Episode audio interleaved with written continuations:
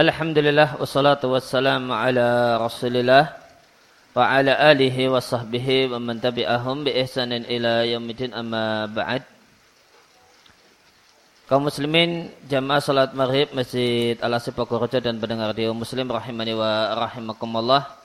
Kembali kita lanjutkan uh, membahas tentang masail jahiliyah atau perilaku masyarakat jahiliyah dari Sarah Masail Jahiliyah karya Sasalah Al-Fauzan Hafizallahu Ta'ala dengan matan yaitu Masail Jahiliyah karya Syekh Muhammad Ibn Abdul Wahab rahimallahu ta'ala. Kita masuk pada perilaku jahiliyah yang ke-95 yaitu mencela seseorang dengan kekurangan yang ada pada orang lain. Yeah. Qala al-musannif rahimallahu taala ta'ir rajuli bima fi ghairihi. Mencela seseorang dengan kekurangan yang ada pada orang lain.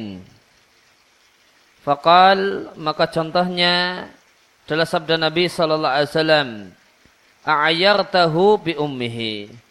Apakah engkau mencelanya gara-gara atau dengan ibunya? Inna kamru'un fika jahiliyah. Engkau adalah seorang adalah satu person yang ada pada dirimu jahiliyah. Penjelasannya ini adalah kisah Abu Dhar radhiallahu anhu tatkala beliau berkata kepada salah satu sahabat yang istimewa dari kalangan as-sabiqun al-awwalin yang pertama dalam masuk Islam yaitu sahabat Bilal ibn Abi Rabah radhiallahu anhu. Ini Abu Dhar berkata kepada Bilal, Ya ibna Sauda, wahai anak perempuan hitam. Demikian dikatakan karena ibunya adalah wanita hitam. Maka Nabi Shallallahu Alaihi Wasallam menegur Abu Dhar dengan mengatakan, Apakah engkau mencelanya dengan ibunya? Sehingga engkau adalah seorang yang ada pada dirimu unsur jahiliyah diatkan oleh Bukhari dan Muslim. Maka mencela seseorang dengan sesuatu yang tidak ada pada dirinya namun ada pada orang lain. Atau atau dengan contoh rendahnya nasabnya, maka ini adalah termasuk perkara jahiliyah. Namun satu hal yang patut diingat, tidak semua perkara jahiliyah adalah kekafiran. Perkara jahiliyah itu ada yang kekafiran, ada yang maksiat, ada yang dosa besar, dan ada yang lain. Maka perkara jahiliyah itu tidak satu level dan tidak satu jenis. Kemudian eh, maka kita jumpai di sini di kisah kisah Abu Dhar kepada dalil bahasanya ya, person sahabat itu tidak maksum dari kesalahan. Lain halnya dengan ijma' sahabat. Kesepakatan sahabat itu maksum dari kesalahan. Adapun individu dan person sahabat maka tidak maksum, tidak terjaga dan tidak terjamin bebas dari kemaksiatan. Namun mereka adalah manusia-manusia yang istimewa karena mereka adalah orang yang mudah untuk insaf dan sadar ketika diingatkan. Lain halnya dengan orang sekarang. Kemudian kita jumpai di sini ada jahiliyah khasah, jahiliyah khusus yang ada pada person tertentu. Itu seorang yang ada badannya karakter dan perilaku jahiliyah.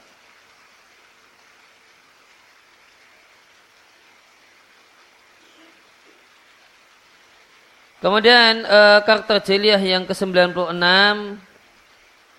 adalah berbangga membanggakan diri karena punya amal-amal yang baik.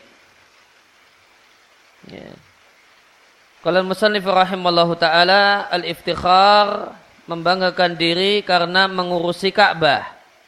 Maka Allah celah mereka dengan firman-Nya mustakbirina mereka adalah orang-orang yang sombong terhadapnya. Samiran, mereka adalah orang yang ngobrol di waktu malam. tahjurun dan uh, tahjurun dalam keadaan mereka ya, berkata-kata yang terlarang atau bernilai dosa. Maka di antara karakter jeli adalah mereka membanggakan diri karena mengurusi masyair. Itu tempat-tempat pelaksanaan ibadah haji. Bisa danah karena mereka menjadi pengurusnya watandim dan karena mereka yang mengaturnya dan karena mereka melakukan rifadah rifadah adalah memberi makan untuk adalah perbuatan orang-orang Quraisy memberi makan dan minum kepada jamaah haji yang miskin. Al-wafidina yaitu para jamaah haji yang datang ilaiha ke Mekah atau ke Masyair. Demikian sikoyah memberi minum, rifadah memberi makan saja. Sikoyah dan memberi minum al-hajid para jamaah haji. Maka mereka membanggakan amal ini. Mustakbiri nabihi. Mereka membanggakannya. Yaitu mereka membanggakan kegiatannya mengurusi al-bait Ka'bah dan melayani al-bait syarif rumah Allah yang mulia, melayani para jamaah haji yang datang ke rumah Allah. Mereka membanggakan hal ini, mereka bangga-banggakan di hadapan orang Arab yang lain. Maka membangga-banggakan amal semacam ini adalah di antara perkara jahiliyah. Karena melayani rumah Allah itu ibadah, maka tidak boleh seorang itu membanggakan ibadahnya karena dia mendekatkan diri kepada Allah dengan ibadah tersebut. Dia tidak menginginkan sanjungan dari manusia dan pujian dari manusia. Non sikap yang benar adalah memuji Allah karena Allah memberikan taufik kepadanya menjadikannya di antara orang yang melakukan amal ini tanpa menyombongkannya atau membangga-banggakannya. Fahum maka mereka orang-orang Quraisy sebagai ganti dari beriman kepada Rasul dan kitab serta mengikuti Rasul dan kitab mereka berbangga-bangga dengan amalnya berkenaan dengan Ka'bah.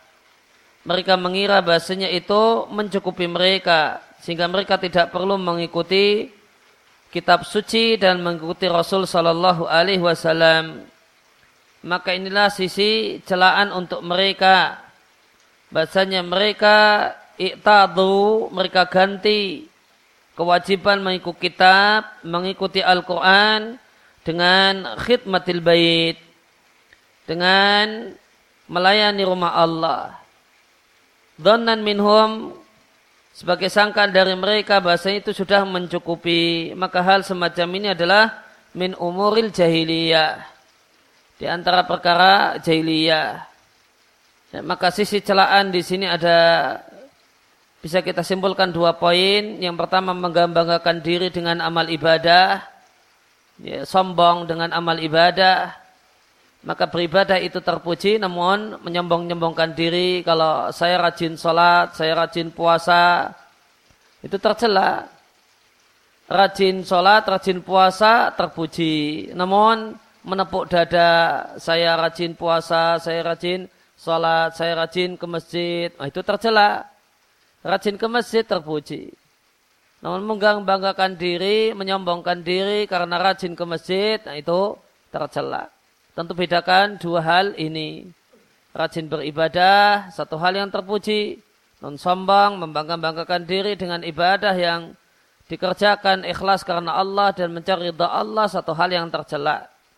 Dan sisi celaan yang kedua tadi disampaikan di kalimat-kalimat terakhir adalah karena mereka merasa cukup ya, merasa cukup dengan satu ibadah sehingga beralasan dengan hal tersebut maka mereka tidak perlu melakukan ibadah yang lain yang bahkan itu lebih mulia. Ya, bahkan itu lebih mulia. Maka saya merasa cukup dengan ibadah ini dan ya, dan saya tidak perlu melakukan ibadah itu dan itu yang nilainya lebih mulia. Maka Allah Jalla wa'ala berfirman, Aja'altum sikayatal haji wa imaratal masjid, masjidil haram kaman amana billahi wal yawmil akhir. Apakah kalian jadikan memberi minum jamaah haji dan memakmurkan masjidil haram adalah seperti beriman kepada Allah dan hari akhir dan berjihad di jalannya. La yastawuna indallah itu tidak sama di sisi Allah. Naam betul memberi minum jamaah haji dan memakmurkan Masjidil Haram adalah amal saleh. Akan tetapi seorang membanggakan diri dengannya. Dan yang kedua dia mengira itu mencukupinya dari amal yang lain yang lebih penting dan lebih urgen satu hal yang tidak benar. Karena seorang muslim, seorang manusia hendaklah memiliki kewajiban untuk punya saham dengan melakukan berbagai macam amal soleh yang lain yang amal tersebut lebih mulia daripada dibandingkan memberi minum jamaah haji dan memakmurkan Masjidil Haram. Amal yang lebih mulia adalah berjihad di jalan Allah, beriman kepada Allah, dan hijrah dan amal-amal penting lainnya. Maka hendaklah seorang itu tidaklah mencukupkan diri dengan satu amal dan mengira bahasanya sudah cukup dan kemudian dia zuhud dari amal-amal yang lain yang bahkan lebih penting. Lasiyama lebih-lebih jika dia menyangka bahasanya itu sudah cukup sehingga tidak perlu mengikuti Al-Quran dan Sunnah. Maka saat ini ada orang yang punya anggapan bahasanya dengan tinggal di Mekah atau Madinah itu sudah cukup sehingga tidak perlu beramal. Ada orang yang punya perkataan, orang yang kerjanya cuma tidur-tidur asalkan di tanah haram, lebih baik daripada orang yang rajin sholat namun tinggalnya di luar tanah haram. Hada hurun min syaitan. Ini adalah tipuan kalimat yang menipu yang berasal dari setan. Ya. Sebagaimana perkataan ya, Salman Al-Farisi uh, radhiyallahu taala anhu yang mengatakan ya, Innal ardal muqaddasata la tuqaddisu ahada. Innama yuqaddisu ahada amaluhu. Ya, sesungguhnya bertempat tinggal di di tanah yang istimewa itu tidak menyebabkan orangnya istimewa. Kalau kelakuannya bejat ya tetap bejat meskipun tinggal di tanah yang di daerah yang istimewa. Inna mayuqaddisuhu amaluhu. Yang memuliakan dia itu adalah amalnya. Yang menyebabkan dia mulia itu amalnya. Adapun semata-mata tinggal di tempat istimewa, ya, daerah istimewa. Nah, kalau, kalau kelakuannya kelakuan bejat ya, tidak ada bedanya dengan yang tidak tinggal di daerah istimewa. Ya, orang itu istimewa dengan amalnya, tidak dengan semata-mata ya, penisbatannya karena tinggal di tempat ini dan itu. Sebagian orang di tempat kita mengatakan bahasanya kalau tinggal di lingkungan yang daerah yang namanya kauman, nah, maka itu menyebabkan dia punya keistimewaan yang tidak dimiliki oleh yang tidak di tinggal di daerah kauman. Di masa silam, di masa kerajaan-kerajaan Islam, ya, daerah kauman itu sama dengan kampung santri. Ini, kampung santri itu daerah-daerah yang disebut kauman. Nah di situ ada ada kiai, ada pak kaum, ya, kemudian mereka pada ngaji sama pak kaum, jadilah mereka santri ngerti agama. Nah maka ya, ya karena itu kampung santri maka ya, ya maka disebutlah kauman. Ya.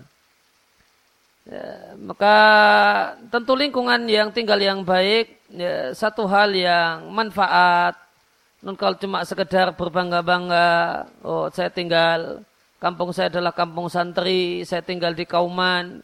Namun tinggal di kampung santri namun nggak pernah ngaji, ya sama saja. Maka itu tidak memuliakannya.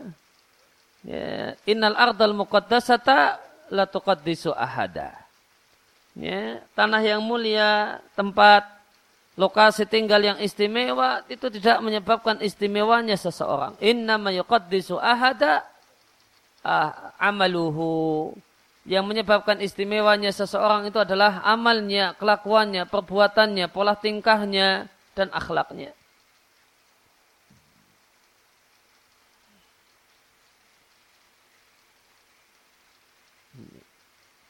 Kemudian berkenaan dengan uh, surat At-Taubah ayat yang ke-19 ada pelajaran yang menarik.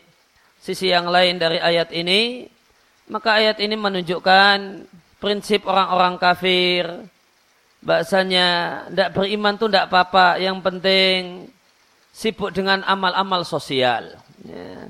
Sibuk dengan amal-amal sosial. Sikoyatal hajj. Ngasih minum orang yang kehausan. Itu amal sosial. Ya, maka yang penting punya amal sosial yang top, baik sama tetangga, suka membantu orang miskin. Ya. Nah, nah, maka tidak beriman tidak apa-apa. Ini kaidah ya, orang musyrik jahiliyah yang Allah ceritakan di di sini di surat At-Taubah ayat 19. Dan kaidah musyrik jahiliyah ini diadopsi orang-orang liberal di tempat kita. Yang penting ya, punya kesolihan sosial, ya, kesolihan sosial, ya, baik dengan tetangga, peduli dengan orang miskin, orang susah, ya, ya, maka tidak perlu kemudian beragama harus formal-formal, ya, tidak perlu terikat dengan agama formal tertentu. Yang penting baik secara sosial. Ya, ya, masa sih tega Allah kemudian, ah itu bahasa mereka Masa si Allah tega mengadab orang yang baik sama orang miskin, peduli dengan orang-orang yang papa, orang-orang yang ngenes, orang-orang menderita. Kejam sekali jika demikian eh, Tuhan kalau seperti itu. Nah. Maka ini ucapan dan kaedah orang musik jahiliyah. Mereka anggap bahasanya sikoyatul hajj, amal sosial. Ngasih minum. Para jamaah haji itu setara dan sederajat dengan iman kepada Allah subhanahu wa ta'ala dan Rasulnya terikat dengan Quran dan Sunnah. Enggak. Ya. Amal sosial. Ya. ya tidak kita ragukan bahasanya sikoyah. Ngasih minum. Kesolihan sosial. Itu amal kebajikan. Namun itu tidak ada nilainya di sisi Allah. Tanpa iman. Ini. Tanpa iman kepada Allah dan kitabnya. Ketundukan dan kepatuhan kepada teks-teks wahyu. Ya, itu tidak ada gunanya, tidak ada faedahnya, dan itu tidak sederajat. Ya, kesolehan sosial itu tidak sederajat dengan ya, kepatuhan dan ketundukan terhadap ya, teks-teks wahyu ilahi. Ya. Maka Allah katakan, Aja'al al-ja'atum sikayatul hajj. Apakah kalian anggap amal-amal sosial dan memakmurkan Masjidil Haram secara fisik? Ya itu kaman amana billahi wal yaumil akhir. Itu setara dan semisal dengan orang-orang yang ya, punya kepatuhan dan ketundukan terhadap teks-teks wahyu dengan beriman pada Allah dan hari akhir. Jawabannya tidak sama. Ya, tidak sama. Ini orang yang beriman dan itu orang kafir. Meskipun punya ya, punya ya, kesolihan sosial. Dan itu semua kesalahan sosial itu tidak ada faedahnya. Tidak ada nilainya. Ya, di akhirat tidak ada nilainya. Ya, kita bicara di akhirat, di sisi Allah. Tidak ada nilainya tanpa penghormatan terhadap hak-hak Allah subhanahu wa ta'ala. Kesalahan sosial namun dirinya dengan kelancangan terhadap hak-hak Allah subhanahu wa ta'ala. Tidak ada gunanya, tidak ada faedahnya. Itu berfaedah, itu manfaat, amal tayyib, manakala diri dengan iman. Ya. Maka apa yang didengang-dengungkan orang liberal itu cuma ya, merepro saja, ya, mereproduksi ulang ya, kaedah-kaedah agama kemusyrikan, ya, agama jahiliyah. Nah, kemudian uh, perilaku jahiliyah yang ke 97 adalah membanggakan diri karena bernasab kepada orang-orang yang baik meskipun menyelisihi orang-orang yang baik tersebut. Qala al-musannif rahimallahu taala al-iftikharu bi kaunihim dzurriyyatal anbiya. Ya, berbangga-bangga karena statusnya sebagai keturunan nabi. Maka Allah datangkan dengan firman-Nya, Allah datangkan firman-Nya, tilka ummatun qad khalat laha maka sabat walakum maka sabatum itulah umat yang telah berlalu mereka telah wafat dan hidup di masa silam untuk mereka apa yang mereka usahakan. Dan untuk kalian apa yang kalian lakukan. Maka di antara perkataan atau di antara perbuatan Bani Israel mereka membanggakan diri dengan status mereka sebagai zuriyah keturunan para nabi tanpa mengikuti mengikuti para nabi terutama penutup para nabi yaitu Muhammad sallallahu alaihi wasallam Padahal menjadi kewajiban mereka untuk mengikuti Muhammad Sallallahu Alaihi Wasallam. Adapun mengatakan kami adalah keturunan para nabi dan mereka merasa cukup dengan itu tanpa mengikuti para nabi, maka ini satu hal yang Allah bantah dalam firman-Nya. Itulah satu umat yang telah berlalu lahama kasabat bagi umat tersebut apa yang mereka lakukan. Fal insan maka seseorang itu yuk tabar dinilai berdasarkan amal dia sendiri bukan amal orang lain. Ya, betul para nabi alaihi wassalatu wassalam adalah makhluk yang paling mulia. Akan tetapi hal ini layurni tidak bermanfaat untuk anak keturunan mereka jika si anak keturunan tidak mengikuti nenek moyangnya.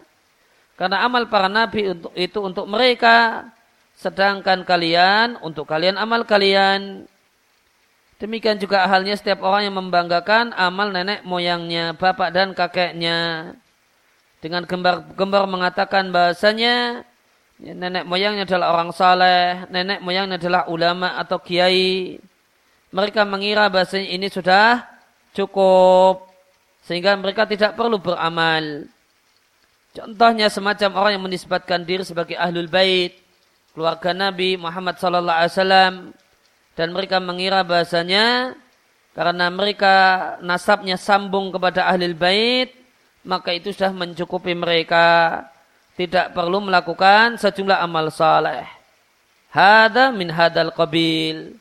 Maka sikap ini adalah sejenis dengan perbuatan Bani Israel di atas. Dan berkenaan bahasanya amal, orang lain itu adalah untuk mereka, manfaat untuk mereka. Ya. Dan manfaat amal orang terdahulu itu ya manfaat untuk si pelaku dan tidak manfaat untuk orang yang datang setelahnya. Maka dari kalimat ini maka diambil pelajaran demikianlah orang-orang yang tawasul dengan amal Nabi, dengan kedudukan Nabi, dengan amal soleh para wali dan orang soleh. Maka apa hubungan mereka dengan amal orang lain? Amal orang lain itu untuk orang lain, amal anda untuk anda. Tidaklah manfaat bagi anda amal mereka. Karena pada hari kiamat tidaklah seorang itu memberikan manfaat pada orang lain. Laha makasabat wa alaiha maktasabat. Untuknya apa yang dia usahakan dan dosanya apa yang dia lakukan. Maka tidaklah manfaat bagi anda pada hari kiamat kecuali amal yang anda lakukan. Lah maka sabat walakum maka sabatum untuk mereka apa yang mereka lakukan untuk kalian apa yang kalian kerjakan. Walatus aluna amma kanu ya'malun. Dan kalian tidak akan ditanya tentang dimintai pertanggungjawaban tentang apa yang mereka lakukan. Maka dalam hal ini secara tidak langsung terdapat isyarat bantahan kepada orang yang tawasul dengan para wali dan orang saleh atau dengan jah dengan kedudukan mereka di sisi Allah. Demikian juga bantan untuk orang yang menisbatkan diri, menasabkan diri kepada orang saleh atau para nabi, atau status mereka sebagai kerabat dari orang saleh dan para nabi. Namun padahal mereka tidak beramal untuk kepentingan diri mereka. Dalam hal ini Nabi Shallallahu Alaihi Wasallam bersabda, wahai orang-orang Quraisy, selamatkan diri kalian Aku tidak bisa menolong kalian minallahi dari adab Allah syai'an sedikit pun.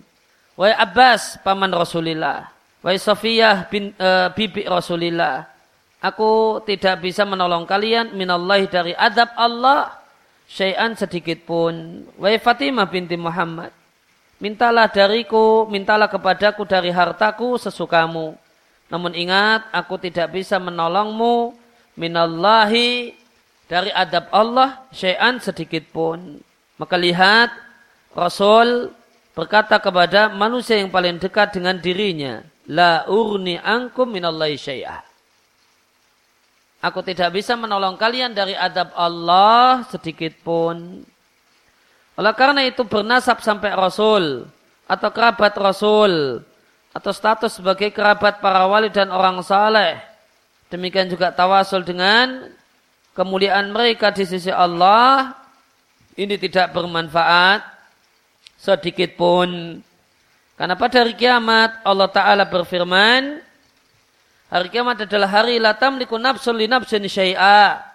Tidak ada satupun jiwa yang bisa memiliki manfaat dan memberi manfaat kepada jiwa apa pun. Jiwa siapa pun, sean sedikit pun. Karena seluruh urusan pada hari itu adalah milik Allah. Ya, dan di sini ada adalah kalimat nafi adalah dan di sini ada tiga isim nakirah, nafsun, linafsin dan syai'an. Ya. Ya, maka dan tiga isim nakirah ini semuanya yufidul umum. Karena ini dalam konteks negatif, yaitu ada la yauma la tamliku. Maka Allah Subhanahu wa taala katakan jiwa siapa pun meskipun dia adalah nabi, meskipun dia adalah wali, meskipun dia orang saleh tidak bisa memberi manfaat kepada jiwa siapa pun, meskipun itu anaknya, istrinya, orang tuanya, tetangganya, teman dekatnya, siapa pun. Syai'an manfaat apa pun. Baik itu manfaat besar, manfaat kecil, manfaat sangat kecil, semuanya tidak ada. Semuanya tidak ada sama sekali. Semuanya Allah negasikan, Allah tiadakan. Kenapa wal amru yawma idillillah? Ya, urusan, wenang, otoritas pada hari itu adalah murni milik Allah Subhanahu wa taala. Allah Ta'ala berfirman di ayat yang lain, Ya mayafirul mar'u min akhihi. Pada hari kiamat di padang mahsyar adalah hari di mana seseorang lari menjauhi saudaranya. Wa ummihi wa abihi lari menjauhi ibunya dan ibunya dan bapaknya. Maka di padang mahsyar ketika seorang anak itu melihat ibunya, maka dia akan lari. Dia tidak ingin ya, ibunya datang mendekat dan minta tolong kepadanya. Wasahibatihi wa banihi dan istrinya serta ataupun anaknya. Kenapa likul imri'im minhum yauma idzin? Karena pada hari itu setiap orang dari mereka memiliki sya'nun urusan dan kesibukan yurnihi yang menyibukkannya sehingga tidak bisa memikirkan orang lain. Maka setiap orang sibuk dengan dirinya. Sampai-sampai Isa alaihissalam mengatakan, Wahai Rabku, la as'aluka Ya. Aku tidaklah meminta kepadamu Maryam yang telah melahirkanku, nafsi-nafsi urusanku, urusanku diriku, diriku.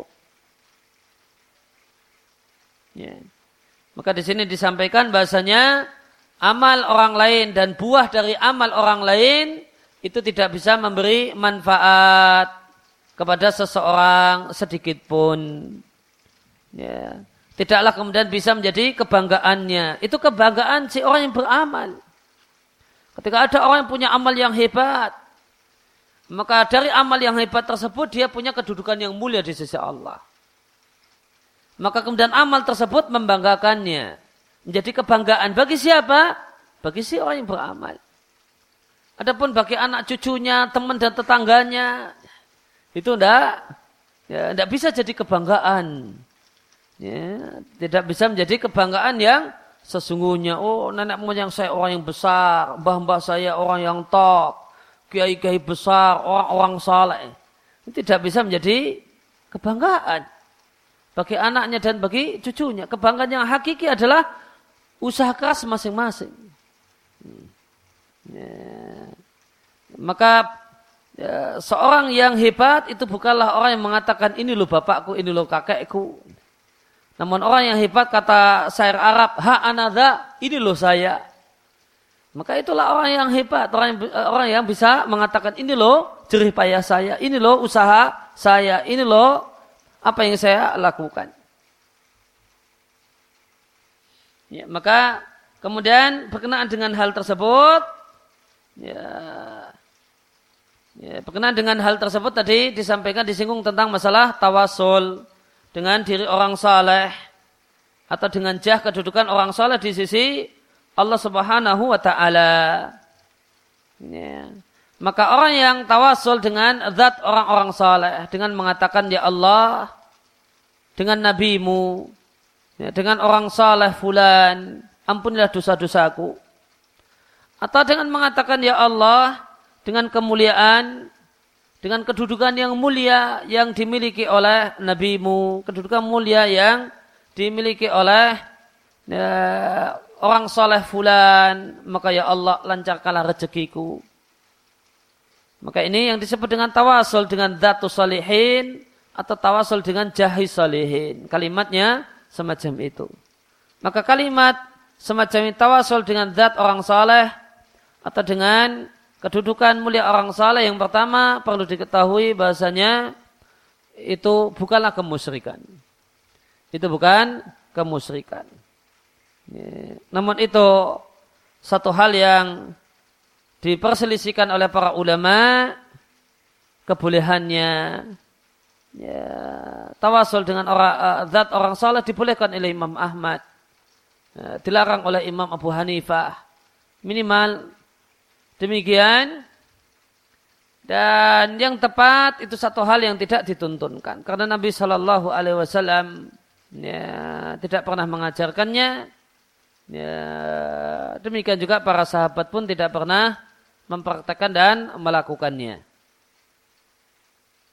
Kemudian orang punya kemudian orang punya kalimat doa semacam itu itu berangkat dari asumsi bahwasanya ya, amal soleh orang lain itu bermanfaat untuk bukan hanya si si pelaku namun juga untuk para pengagumnya, para ya, orang-orang yang kagum dengannya, para pengikutnya. Ini berangkat dari asumsi semacam ini. Ya, maka ini satu hal yang patut diluruskan. Bahasanya amal yang hebat, amal yang luar biasa, keimanan yang luar biasa, amal yang top itu adalah kebanggaan dan kemuliaan hanya uh, bagi si pelaku dan tidak bisa melebar kepada para pengikutnya dan para penggemarnya.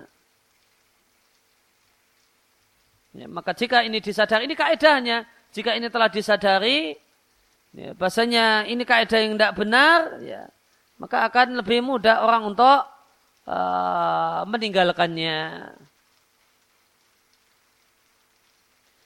Kemudian karakter jeliyah yang berikutnya adalah ya, karakter yang ke-98 berbangga-bangga dengan uh, dengan pekerjaan mereka alaman uh, berbangga-bangga dan bersombong-sombong pada orang yang di bawah mereka dalam masalah pekerjaan.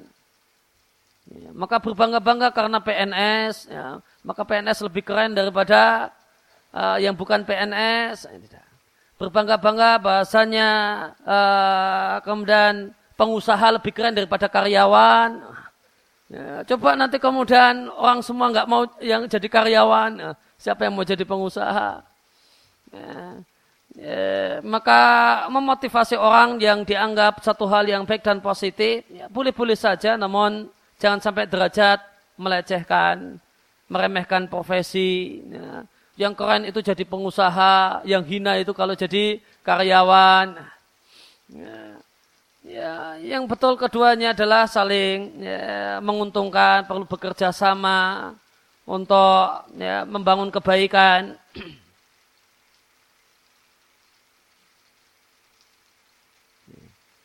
Maka kalau musannif rahimahullahu taala di antara karakter jeli adalah al-iftikhar bisonai. Berbangga-bangga dan bersombong-sombong dengan pekerjaan. Sebagaimana perbuatan ahlu rahlatain, para pedagang. Ya, yang mereka melakukan dua perjalanan, perjalanan di musim dingin dan perjalanan di musim panas. Ya, yang menyombongkan diri ala ala ahli harth.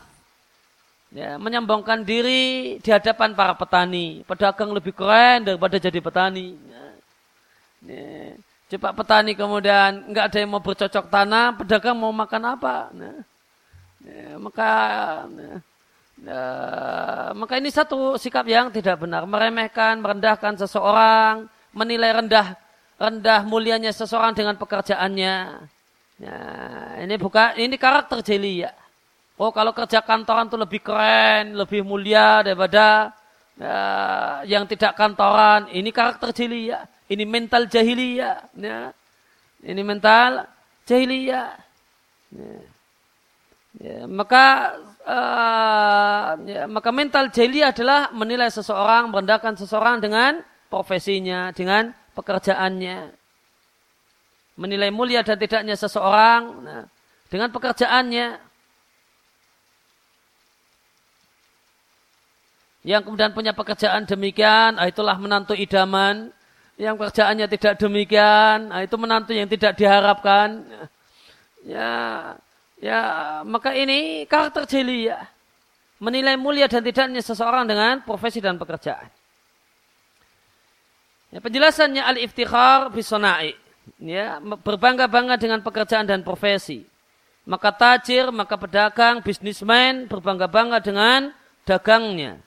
Alal harfi daripada orang yang ya, bekerja ya dengan uh, harfi orang yang profesi yang lain. Wa alan najar dia berbangga-bangga kepada tukang kayu dan tukang besi. Muadzab orang kantoran, ya, muadzab kerja kantoran, berbangga-bangga dengan kerjaannya, alaman dunahu minal muadzafin, ya, dengan pekerja yang lainnya, yang itu tidak kantoran, ya, itu lapangan, maka dianggap itu yang lebih wah. Maka seorang muslim yang baik tidak meremehkan orang yang di bawahnya meskipun itu sebenarnya betul-betul di bawahnya. Bahkan tidak meremehkan orang lain secara umum. Maka bagaimanakah lagi meremehkan ya, orang lain dari kalang kaum muslimin karena profesinya. Wa annaha dan bahasanya orang tersebut, profesi tersebut, duna lebih rendah dibandingkan profesinya. Maka meremehkan seseorang karena profesinya ini adalah min umuril jahiliyah adalah di antara perilaku jahiliyah. Sebagaimana Allah ceritakan tentang orang-orang Quraisy, firahlatain, firihlatain yang punya dua perjalanan. Maka Allah Subhanahu wa taala memberikan nikmat pada orang orang Quraisy dengan perjalanan dua perjalanan dagang. Perjalanan di musim dingin pergi ke Yaman, perjalanan di musim panas pergi ke Syam, semuanya untuk kulaan untuk kemudian dijual di Mekah. Fahum maka mereka membanggakan profesinya di hadapan banyak orang. Mereka lah para pengusaha, para pedagang. Mereka berbangga-bangga ya, pada orang yang dianggap lebih rendah minal muzariin petani atau ahli harti atau pekebun atau orang yang kerja di kebun. Wahada maka poin ini mencakup semua orang yang berbangga-bangga dengan pekerjaannya, dengan profesinya pada orang yang dianggap lebih rendah. Maka manusia punya kewajiban untuk tidak sombong. Wamindalika dan termasuk dalam hal ini adalah tanakus. Orang melecehkan tanakusum pelecehan mereka kepada orang yang profesinya dan pekerjaannya tidak sebagaimana pekerjaan asyrafihim orang-orang mulia ya, orang-orang mulia di daerahnya atau di lingkungannya semacam para tukang eh, pandai besi dan para tukang kayu maka hal semacam ini eh, la tazalu maujudatan terus menerus masih eksis pada sebagian orang. Termasuk dalam ini di antara contohnya adalah orang yang merendahkan dan meremehkan orang yang statusnya adalah imam tetap satu masjid atau muadzin tetap satu masjid sebagaimana keadaan di Arab Saudi. Ada orang yang karena imam masjid atau muadzin masjid itu bergaji dari pemerintah ya maka ya, sebagian orang ada orang yang tidak memiliki kegiatan kecuali itu saja karena jika dia ya, sibuk dengan bisnis atau punya bisnis sampingan, nanti akan kacau jadwal. Ya. Dia harus pergi ke sana, pergi kemari. Maka dia tidak bisa jamin ketika pergi setelah salat duhur sebelum asar bisa sampai masjid. Ya. Berkegiatan setelah salat asar dan maghrib sudah standby di masjid. Tidak bisa demikian. Ya. Oleh karena itu sebagian mereka tidak punya kegiatan ya kecuali jadi imam masjid atau jadi muadzin sehingga bisa disiplin, bisa ya, selalu hadir dan tidak absen. Maka ada orang yang melecehkan. Maka ma'ana wadhifatal imam padahal tugas sebagai imam masjid adalah ya afdalul wadhaif. Dia adalah kegiatan yang paling utama. Kenapa? Karena ini adalah kegiatannya Rasul sallallahu alaihi wasallam. Demikian juga ya, kegiatan menjadi muadzin maka wazifah atau tugas yang paling mulia adalah tugas sebagai imam dan muadzin. Fahuma maka imam dan muadzin itu lebih mulia daripada kerja sebagai menteri. Ya. Dan lebih mulia daripada pekerjaan-pekerjaan yang lain. Karena ini kerjaannya Rasul jadi imam. Ya. Ini kerja kegiatannya Rasul, rutinitas harian Rasul jadi imam. Dan demikian juga muadzin sampai-sampai ulama berselisih pendapat manakah yang lebih afdal. Jadi muadzin ataukah jadi imam? Ada ulama yang mengatakan jadi imam lebih afdal daripada muadzin. Ulama yang lain mengatakan muadzin lebih mulia daripada imam.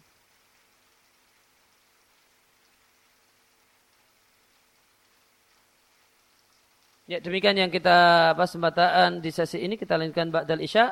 Wassalamualaikum warahmatullahi wabarakatuh. Wa alhamdulillahi rabbil alamin. Alhamdulillah wassalatu wassalam ala rasulillah wa ala alihi wa wa man tabi'ahum bi ihsanin ila yaumil amma ba'd. Ikhwatul iman rahimani wa rahimakumullah. Kembali kita lanjutkan pembahasan tentang masalah jahiliyah. Kita sampai pada karakter jahiliyah atau perilaku jahiliyah yang ke-99 yaitu cara pandang kepada dunia, memandang dunia dengan pandangan terheran-heran atau terkagum-kagum. Falal musannif rahimallahu taala azamatu dunya fi qulubihim. Agungnya dunia dalam hati mereka. Sebagaimana ucapan mereka waqalu dan mereka mengatakan seandainya Al-Qur'an ini diturunkan kepada salah satu orang yang besar dari dua kampung ini, yaitu Mekah dan Taif. Penjelasannya, maka di antara perilaku jeliyah adalah besarnya dunia dalam jiwa mereka. Maka orang yang memiliki dunia itulah orang yang mulia menurut mereka. Sedangkan orang yang tidak memiliki dunia adalah orang yang hina. Yang muhtakar orang yang rendah menurut mereka. Sampai-sampai dalam kerasulan yang kerasulan ini adalah pilihan Allah Jalla wa'ala. Maka mereka berpandangan bahasanya kerasulan itu wajib di tangan para orang-orang kaya. Tidak di tangan orang-orang miskin. Maka mereka mengatakan, Apakah Allah itu tidaklah menjumpai kecuali anak yatimnya Abu Talib? Liursilahu yang Allah jadikan sebagai Rasul. Artinya, yaknu yang mereka maksudkan adalah Muhammad sallallahu alaihi wasallam. Sehingga mereka mengatakan seharusnya Al-Quran itu diturunkan pada satu, satu orang besar dari dua ya, dua kampung ini. Yang dimaksud dengan dua kampung ini adalah Mekah atau Taif.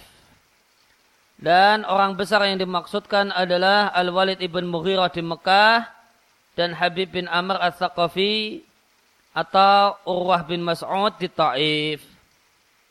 Mereka mengatakan seandainya kerasulan itu ada di tangan salah satu dari dua orang ini, niscaya itu yang lebih layak, lebih cocok menjadi rasul. Adapun kerasulan itu malah pergi atau kemudian diberikan kepada orang yang yatim dan miskin, yaitu Muhammad sallallahu alaihi wasallam, maka ini satu hal yang tidak layak menurut mereka.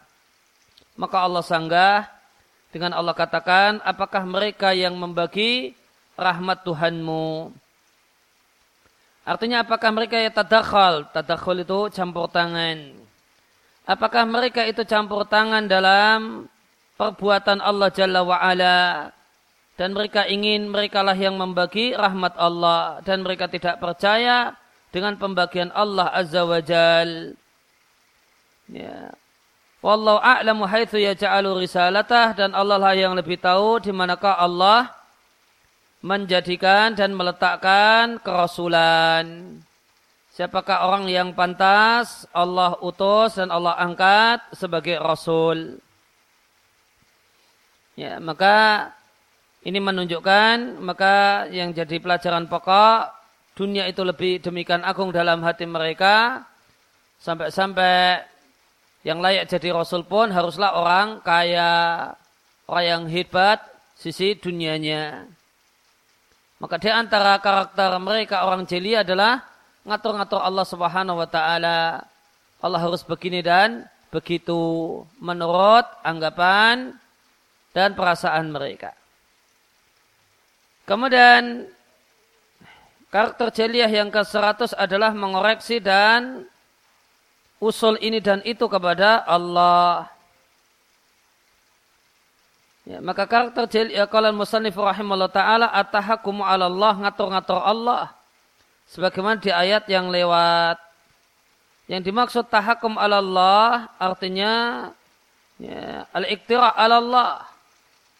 Ya, main usul-usul, usul ini dan itu kepada Allah. Sebagaimana di ayat yang telah kita baca di poin sebelumnya. Seharusnya yang jadi rasul adalah orang kaya dari dua kampung ini.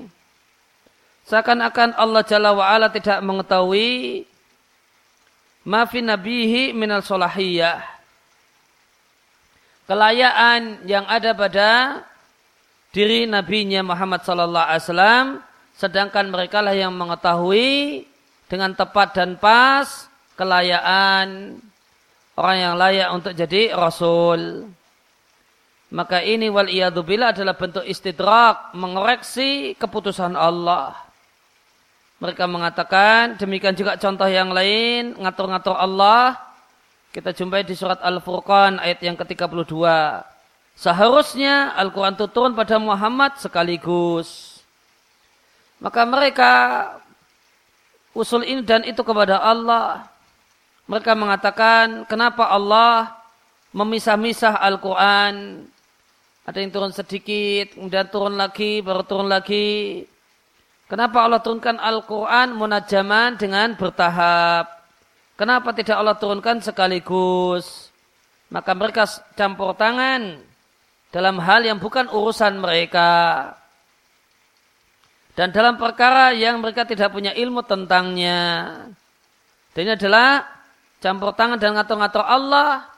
Ya, ini adalah perilaku jahiliyah dijumpai oleh orang sekarang, orang liberal ya maka Allah itu harusnya tidak mengadab pendeta yang peduli dengan orang miskin ya, ya yang cinta dengan anak yatim itu harusnya tidak disiksa jangan dimasukkan neraka namun harusnya masuknya di surga ini ngatur-ngatur Allah Subhanahu wa taala sebagaimana kelakuan orang jahiliyah kemudian Allah Subhanahu menjelaskan hikmah diturunkannya Al-Quran mufarakan secara terpisah-pisah yaitu secara bertahap sedikit demi sedikit.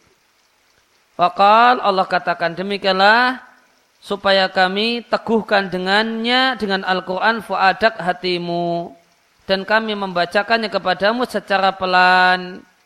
Dan tidaklah mereka datang kepadamu bimatsalin dengan permisalan. Yang dimaksud dengan permisalan di sini adalah subhat. Maka tidaklah mereka mendatangkan kepadamu dengan satu permisalan yaitu subhat ila ji'naka bil haqi wa ahsana tafsira kecuali kami datangkan kepadamu kebenaran dan perkataan dan jawaban yang lebih bagus penjelasannya ya. maka uh, ya, maka Allah Subhanahu wa taala jelaskan bahwasanya faedah dan maksud Allah Subhanahu wa taala menurunkan Al-Qur'an secara bertahap ya, Allah sampaikan tujuannya adalah untuk meneguhkan hati nabinya sallallahu alaihi wasallam Karena karena datangnya Al-Quran satu hal yang menghibur hati Nabi. Ketika Nabi Shallallahu Alaihi Wasallam mendapatkan apa yang dia dapatkan dari umatnya, yang ini kemudian penentangan, perlawanan, yang membuat hati beliau sedih, turun Al-Quran, maka ini mengokohkan dan menguatkan hati Nabi.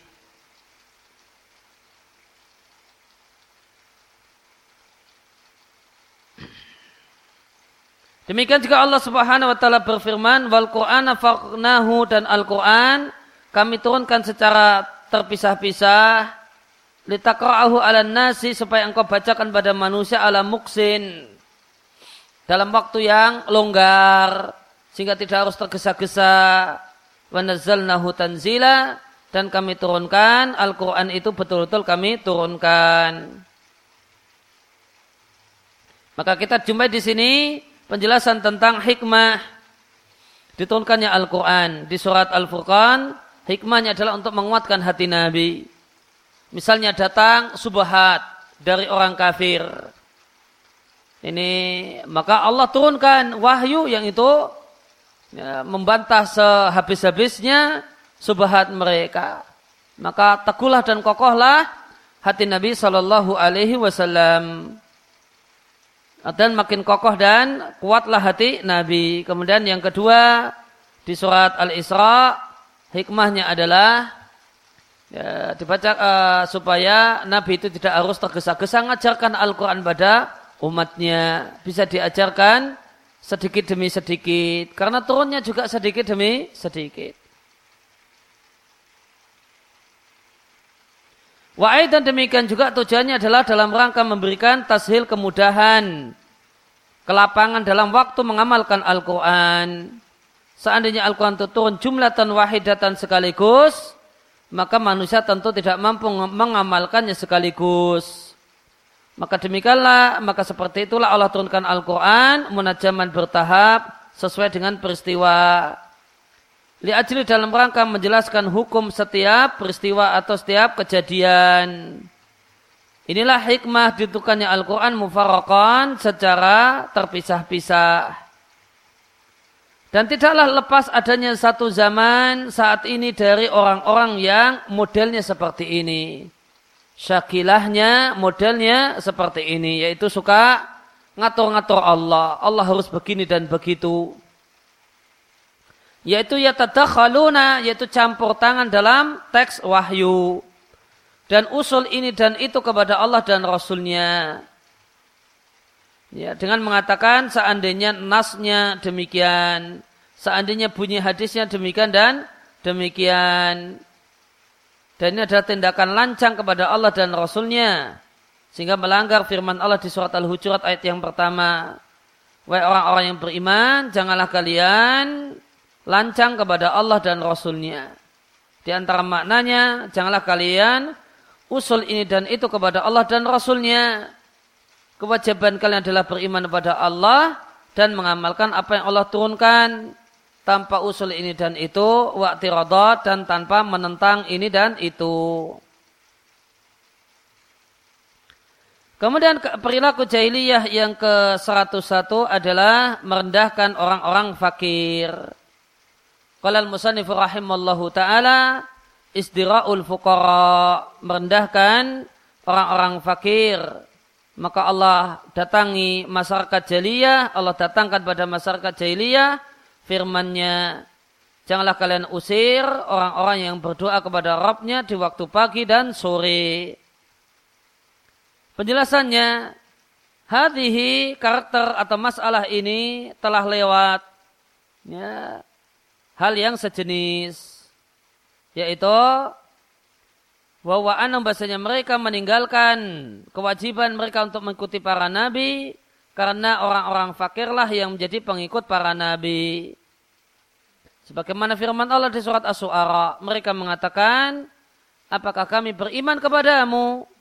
Sedangkan orang-orang yang mengikutimu adalah al-ardalun, orang-orang yang hina, yaitu orang-orang fakir, yang tidak memiliki kedudukan sya'an ya, sya'an di sini kedudukan tidak memiliki kedudukan fil mustama di tengah-tengah masyarakat inilah cara beragama orang jahiliyah Sampai-sampai mereka usul dan minta pada Nabi agar menghalangi mereka-mereka sahabat yang miskin untuk duduk bersama mereka. Takaburan karena sombong. Maka Allah turunkan firman-Nya, janganlah engkau usir orang-orang yang berdoa pada Robnya di waktu pagi dan sore, yang mereka menginginkan wajah Allah semata. Ma'alaika bukalah kewajiban menghisap mereka sedikit pun, wa min hisabika alaihim min syai' dan mereka pun tidak punya ya, kewajiban untuk menghisapmu sedikit pun. Jika engkau nekat mengusir mereka, orang-orang yang beriman yang miskin, fatakuna minadh zalimin. Maka engkau menjadi bagian dari orang-orang yang zalim. Maka seandainya Nabi alaihi mengusir mereka, orang-orang yang miskin dari majelisnya karena semata-mata miskin, niscaya Nabi termasuk orang yang zalim. Demikian juga firman Allah Ta'ala, demikianlah kami uji sebagian mereka dengan yang lain. Supaya mereka mengatakan, apakah mereka-mereka orang miskin ini, Allah beri nikmat pada mereka tanpa kami. Maka jawabannya bukankah Allah lebih tahu siapakah orang-orang yang bersyukur. Maka jika datang kepadamu orang-orang yang beriman, yang beriman dengan ayat-ayat kami, maka katakanlah kepadanya salamun alaikum. Keselamatan untuk kalian. Ini dalil eh, bahasanya ucapan salam itu boleh nakira, tidak harus makrifat. Tidak harus assalamu alaikum. Boleh saja salamun alaikum.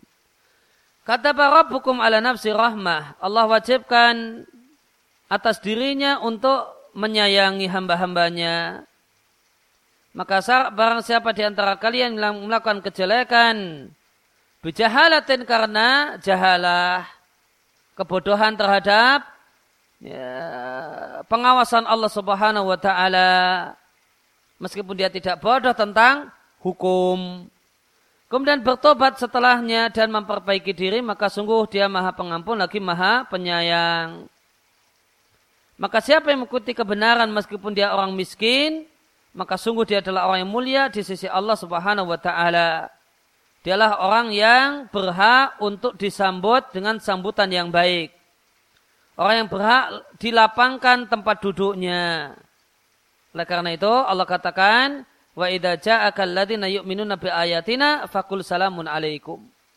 Ini dalil ya, bahasanya orang yang miskin, orang yang beriman meskipun miskin, dialah yang layak disambut dengan sambutan yang hangat. Adapun orang yang berpaling dari kebenaran dan sombong, maka tidak berhak untuk mendapatkan pemuliaan. Karena dialah orang yang menghinakan dirinya. Maka dia berhak untuk dijauhkan wa iqsa dan dijauhkan, wa hajar dan dibaikot. Ya, kemudian uh, perilaku jahiliyah yang ke-102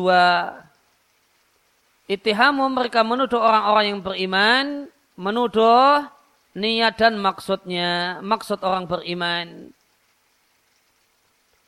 Kalau musannif rahimallahu taala mereka menuduh para pengikut para rasul bahasanya mereka adalah orang-orang yang tidak ikhlas. Orang-orang yang mencari dunia. Maka Allah berikan jawaban dengan firman-Nya, "Ma'alika min hisabi min syai'." Ya, perhitungan untuk mereka bukanlah tanggung jawabmu sedikit pun. Dan ayat-ayat yang semisal penjelasannya. Maka di antara perilaku orang jahiliyah mereka menuduh orang-orang fakir. Bahasanya mereka tidaklah beriman kecuali dalam rangka mendapatkan salah satu dari eh, kesenangan duniawi. Sebagaimana perkataan para pengikut Fir'aun kepada Musa alaihissalam dan Harun. Watakuna lakumul kibriya'u fil ardi. Kalian itu berdakwah supaya kalian berdua mendapatkan kibria, kesombongan dan kemuliaan dan kepemimpinan di atas muka bumi. Demikian juga perkataan kaum Nuh. Mahada ila basyarun. Tidaklah Nuh kecuali manusia semisal kalian. Yang dia ingin lebih mulia dibandingkan kalian. Maka mereka tuduh para nabi. Bahasanya mereka dalam berdakwah, mereka menginginkan kemuliaan dan kepemimpinan. Dan mereka tuduh orang-orang yang beriman yang miskin. Bahasanya mereka beriman karena ingin kaya, wasarwah dan kaya dengan mengikuti Rasul. Maka Allah Jalla wa'ala berfirman, dan kau usir orang-orang yang berdoa kepada Rabbnya di waktu pagi dan sore, dan mereka adalah orang-orang yang menginginkan wajahnya. Maka ini bahkan pujian dari Allah Subhanahu wa taala kepada para sahabat yang miskin. Bahasanya mereka berdoa dan beribadah yuriduna wajahahu. Ikhlas semata-mata menginginkan wajah Allah Subhanahu wa taala. Ya, maka ini sangkan untuk mereka dalam perkataan mereka tentang orang-orang yang beriman bahasanya mereka menginginkan dunia Allah sanggah dengan firman-Nya bahkan Allah puji para sahabat yang miskin mereka menginginkan wajah Allah. Maka Allah tetapkan adanya keikhlasan pada diri mereka sahabat-sahabat yang miskin. Dan secara umum ya kita diperintahkan untuk menilai seseorang berdasarkan lahiriahnya berdasarkan perkataannya dan perbuatannya dan menghindari ya, menebak-nebak niat dan maksud orang padahal orang tersebut tidak memberikan indikator-indikator kepada kita tentang apa yang menjadi niatnya lain halnya dengan orang yang telah memberikan indikator-indikator maka kita katakan eh, maka kita pun komentar dengan dikhawatirkan kami khawatir aku khawatir dan kalimat semacam itu.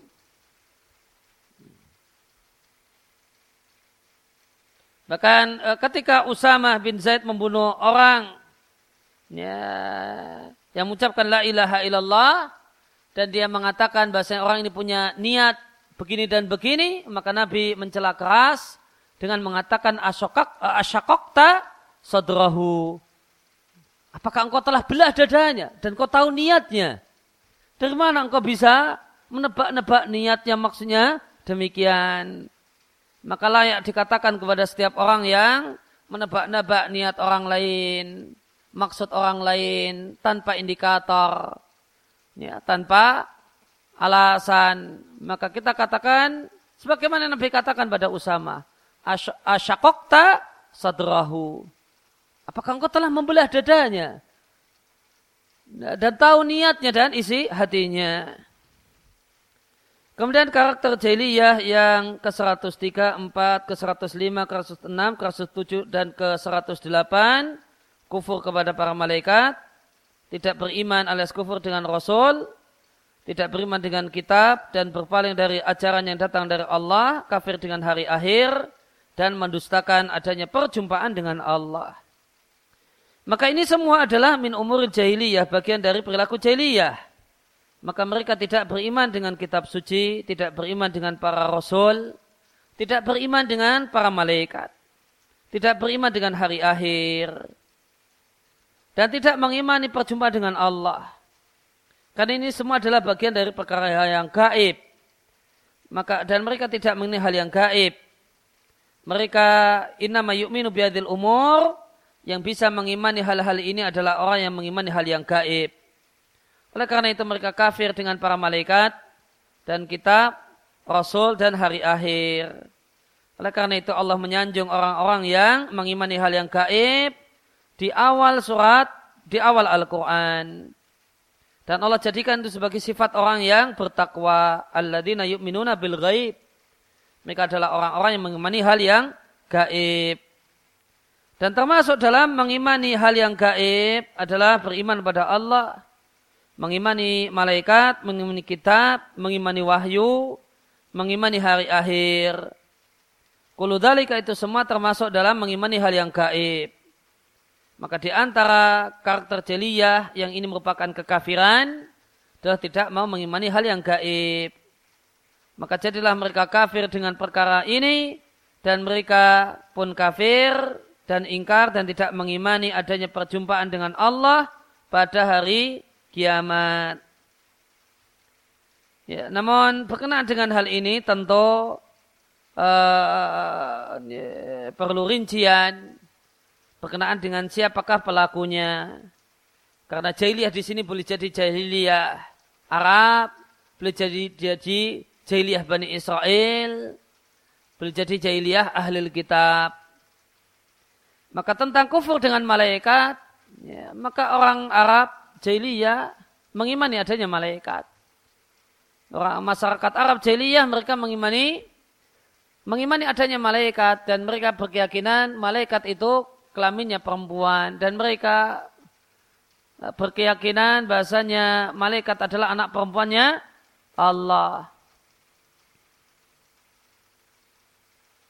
Sehingga kufur dengan malaikat e, dan tentu ya, kafir ahli kitab atau jahiliyah ahli kitab mereka beriman dengan dengan malaikat. Meskipun misalnya Yahudi mereka ya, atau sebagian Yahudi mereka benci dengan Jibril ya, dan suka dan senang dengan Mikail. Ya, maka uh, kafir dengan malaikat tidak beriman dengan malaikat di sini ya, bisa kita katakan adalah ya, ya maknanya adalah tidak mengimani malaikat dengan cara beriman yang benar. Al-kufur bi rasul jelas. Karena siapa yang kafir dengan satu rasul maka dia dianggap kafir dengan semua rasul. Siapa yang kafir dengan Muhammad sallallahu alaihi wasallam satu rasul maka dia ternilai kafir dengan semua rasul kufur dengan kitab, maka jelas tidak beriman dengan Al-Quran. Dan siapa yang tidak beriman dengan Al-Quran, maka dia hakikatnya tidak beriman dengan semua kitab. Ya, karena kitab-kitab tersebut pun mengabarkan datangnya Al-Quran. Ya, berpaling dari sebagian dari ajaran yang datang dari Allah. Dan ini tentu sebagian mereka maka di antara kekafiran orang kafir jeliyah, mereka mengatakan saya tidak mau tahu tentang Rasul. Apakah dia uh, tentang Muhammad, apakah dia betul-betul Rasul dan ataukah bukan? Saya cuek, saya masa bodoh. Dia itu ya, apa yang diajarkan itu benar ataukah salah, saya nggak mau pusing. Ya pokoknya saya nyaman dengan seperti ini, saya tidak mau uh, mau tahu masa bodoh dengan apa yang didakwakan oleh Muhammad. Ya, ini bentuk al-i'rad. Kemudian kufur dengan hari akhir. Ya, tentu kafir jahiliyah ahli kitab mereka tidaklah mengingkari adanya hari akhir. Mereka tidak mengingkari hari akhir karena adanya hari akhir satu hal yang ada di kitab-kitab suci mereka. Maka untuk kafir, untuk orang kafir ahli kitab, maka yang dimaksud dengan tidak beriman dengan hari akhir adalah tidak beriman dengan hari akhir dengan iman yang benar.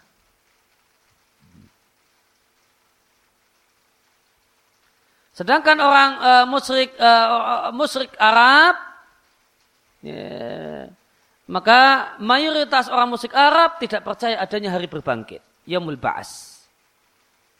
Mengingkari yaumul ba'as. Sebagian mereka datang dengan membawa tulang, kemudian berkata kepada Nabi Shallallahu Alaihi Wasallam, ya, apakah kemudian Allah akan bangkitkan tulang-tulang ini wahya ramim? Ya, padahal dia telah hancur. Maka kemudian Allah bantah dengan firman-Nya di surat Yasin. Ya, Allah katakan bahasanya tulang-tulang akan dihidupkan oleh ya, zat yang ansha'aha awal yang menciptakannya dan menghidupkannya pertama kali. Maka minimal mayoritas orang musik Arab itu mengingkari yaumul ba'as. Sebagian ulama mengatakan itu ijma musik Arab. Ini, ya, tidak mengimani yaumul ba'as. Ya, maka oleh karena itu maka di antara porsi besar ayat-ayat makiyah itsbat yaumul ba'as. Karena ayat ini turun tertuju pada orang-orang musik Arab, musik Mekah yang mereka ini mayoritasnya atau keseluruhannya la yu'minuna bil ba'ats. Tidak mengimani hari berbangkit.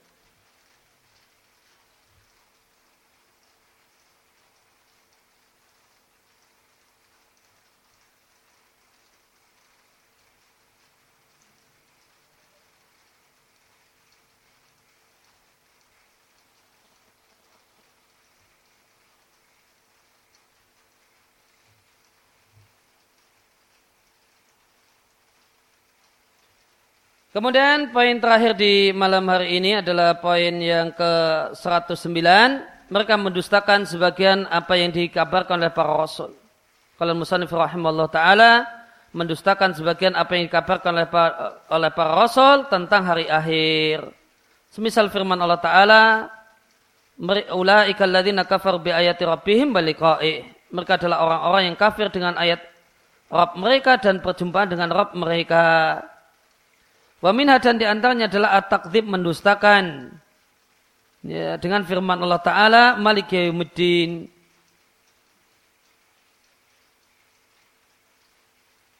Ya, Allah adalah Malik, pemilik hari pembalasan dan firman Allah tidak ada di sana jual beli tidak pula ya, ya, tidaklah kemudian bisa menolong al-khullah rasa cinta dan persahabatan. Wala syafaat tidak pula ada syafaat Ilaman syahidah bil haqi kecuali orang yang menyaksikan kebenaran yaitu la ilaha illallah wahum ya'lamun dan mereka berilmu. Penjelasannya di antara mereka orang-orang jahiliyah ada orang yang kafir dengan hari akhir jumlatan sama sekali. Mutlak kafir dengan hari akhir. Ya, bahkan uh, wakalu mereka mengatakan in hiya ilahayatun dunya tidak ada kehidupan kecuali kehidupan kita di dunia ini. Sebagian mereka beriman dengan hari akhir akan tapi mengingkari sebagian perkara yang ada pada hari akhir. Semacam mengingkari adanya hisab atau penimbangan amal, surga atau neraka. Maka di antara mereka ada yang mengkafiri hari akhir jumlatan secara mutlak, ada yang kafir dengan sebagian yang terjadi pada hari akhir. Namun orang yang kafir dengan sebagian hari akhir itu sama saja dengan orang yang kafir dengan keseluruhan hari akhir. Tidak ada beda. Karena ya, li'anau yu'minu karena dia beriman dengan sebagian isi kitab suci dan kafir dengan yang lain. Allah Ta'ala berfirman, Maukah, katakanlah maukah aku beritahukan kepada kalian orang yang paling merugi dalam beramal. Orang yang sesat amalnya dalam kehidupan dunia namun mereka mengira bahasanya mereka telah berbuat baik eh, yuhsinuna sun'a. Mereka telah berbuat baik. Mereka itulah orang-orang yang kafir dengan perjumpaan dengan Rabbnya dengan ayat-ayat Rabbnya dan perjumpaan dengan Rabbnya hapuslah amal mereka. Kami tidak akan memasang timbangan amal untuk mereka nanti pada hari kiamat. Di antara mereka ada yang mendustakan hisab. Sebagaimana firman Allah Ta'ala Malik Yaumidin dia adalah zat yang memiliki hari pembalasan. Din dalam ayat ini maknanya hisab. Dan mereka mendustakannya. Dan mereka mendustakan adanya balasan terhadap amal. Allah Ta'ala berfirman, Wahai orang-orang yang beriman, infakalah sebagian apa yang kami berikan kepada kalian sebelum datanglah satu hari. Dan hari itu itu adalah hari hari pembalasan. Sebelum datang hari yang tidaklah manfaat padanya jual beli, tidak pula kedekatan hati atau persahabatan, tidak pula syafaat. Dan orang-orang kafir itulah orang-orang yang zalim. Oleh karena itu jika tidak ada bersama anda amal soleh pada hari kiamat, maka tidak ada upaya bagi anda pada hari tersebut untuk bisa selamat.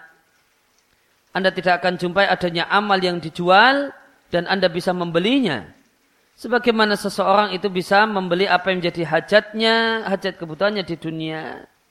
Walakhullah, kedekatan hati pun tidak manfaat. Maka jika Anda tidak menjumpai seorang yang menjual untuk Anda, ya, menjual satu barang untuk Anda di dunia, maka mungkin saja Anda memiliki kawan yang Anda bisa mendatanginya, kemudian dia akan memberikan kepada Anda apa yang dia miliki. Itu keadaan di dunia. Ketika kita perlu barang, mau beli, ya orangnya tidak mau jual, ya sudah. Ya, cari teman dekat yang punya barang yang sama, diminta, boleh. Bahkan tidak diminta, dikasihkan. Itu di dunia. Walakin la tujat, akan tapi tidaklah dijumpai manfaat kedekatan hati pada hari kiamat. Dan tidak akan bisa memberikan manfaat kepada anda satupun orang, meskipun dia adalah kawan dekat anda. Akan tapi boleh jadi ada orang yang memberikan syafaat untuk Anda. Dan menjadi mau menjadi perantara bagi Anda. sebagaimana keadaan di dunia. Namun itu pun tidak ada pada hari kiamat. Wala syafa'ah. Maka jika telah terputus dari anda setiap sarana, semua sarana pada hari kiamat, maka anda tidak memiliki hilah upaya. Kecuali jika anda memiliki amal saleh, kodam tahul li an nafsika yang telah engkau berikan ya, ya, yang telah engkau berikan untuk dirimu dan amal soleh yang paling agung adalah tauhid dan bersih dari kemusyrikan. Oleh karena itu Allah Ta'ala berfirman, Wala yamlikul ladina yada'una min dunihi syafa'ah. Dan orang-orang yang mereka sembah selain Allah Subhanahu wa taala tidaklah memiliki syafaat. Illa man syahida bil haqi kecuali untuk orang yang menyaksikan la ilaha illallah dalam keadaan dia berilmu tentang la ilaha illallah. Yang dimaksud dengan syahidah bil haqi artinya mengucapkan la ilaha illallah di dunia dan mati di atas la ilaha illallah. Maka tidak cukup dengan sekedar mengucapkan la ilaha illallah. Namun harus punya ilmu tentang makna la ilaha illallah. Oleh karena itu lanjutannya ayat wahum ya'lamun dan mereka punya ilmu tentang makna la ilaha illallah. Maka tidak cukup dengan sepatah-mata melafalkan la ilaha illallah tanpa faham maknanya. Dan tidak cukup eh, eh, melafalkan dan mengetahui makna tanpa mengamalkan konsekuensi atau isinya. Karena ilmu itu sekedar sarana. Dan yang jadi tujuan adalah amal. Maka jika ilmu itu tidak diring dengan amal, maka la ilaha illallah itu tidak bermanfaat bagi anda. Maka di sini ada kalimat yang menarik yang patut digarisbawahi. Ilmu itu sarana. Ilmu itu sarana. Baca kitab, kemudian menyimak pengajian, hadir di majelis ilmu, semuanya sarana. Bukan tujuan. Dan sebuah sebuah kesalahan besar ketika orang menjadikan sarana itu jadi tujuan. Sehingga dia tidak punya amal kecuali ilmu itu sendiri. Apa amalnya? Ya hadir di pengajian. Yang lain nggak ada. Ya. Apa amalnya? Ya, ya baca buku. Ya. Ada ya amalnya itu. Amalnya baca buku. Maka itu adalah sebuah kerugian. Ketika ada orang yang menjadikan amalnya itu adalah sekedar ilmu. Padahal ilmu itu adalah sarana, wasilah lil amal. Ya. Dan setiap jika setiap orang itu menyadari hal ini, bahasanya belajarnya, ngajinya itu adalah untuk mewujudkan tujuannya itu amal, maka ilmu akan membuahkan amal. Dan ketika orang itu niatnya dan prinsipnya adalah menjadikan ilmu itu sendiri sebagai amal, amalnya itu adalah ilmu itu sendiri, ya maka sekedar rajin menuntut ilmu namun tidak ada buahnya.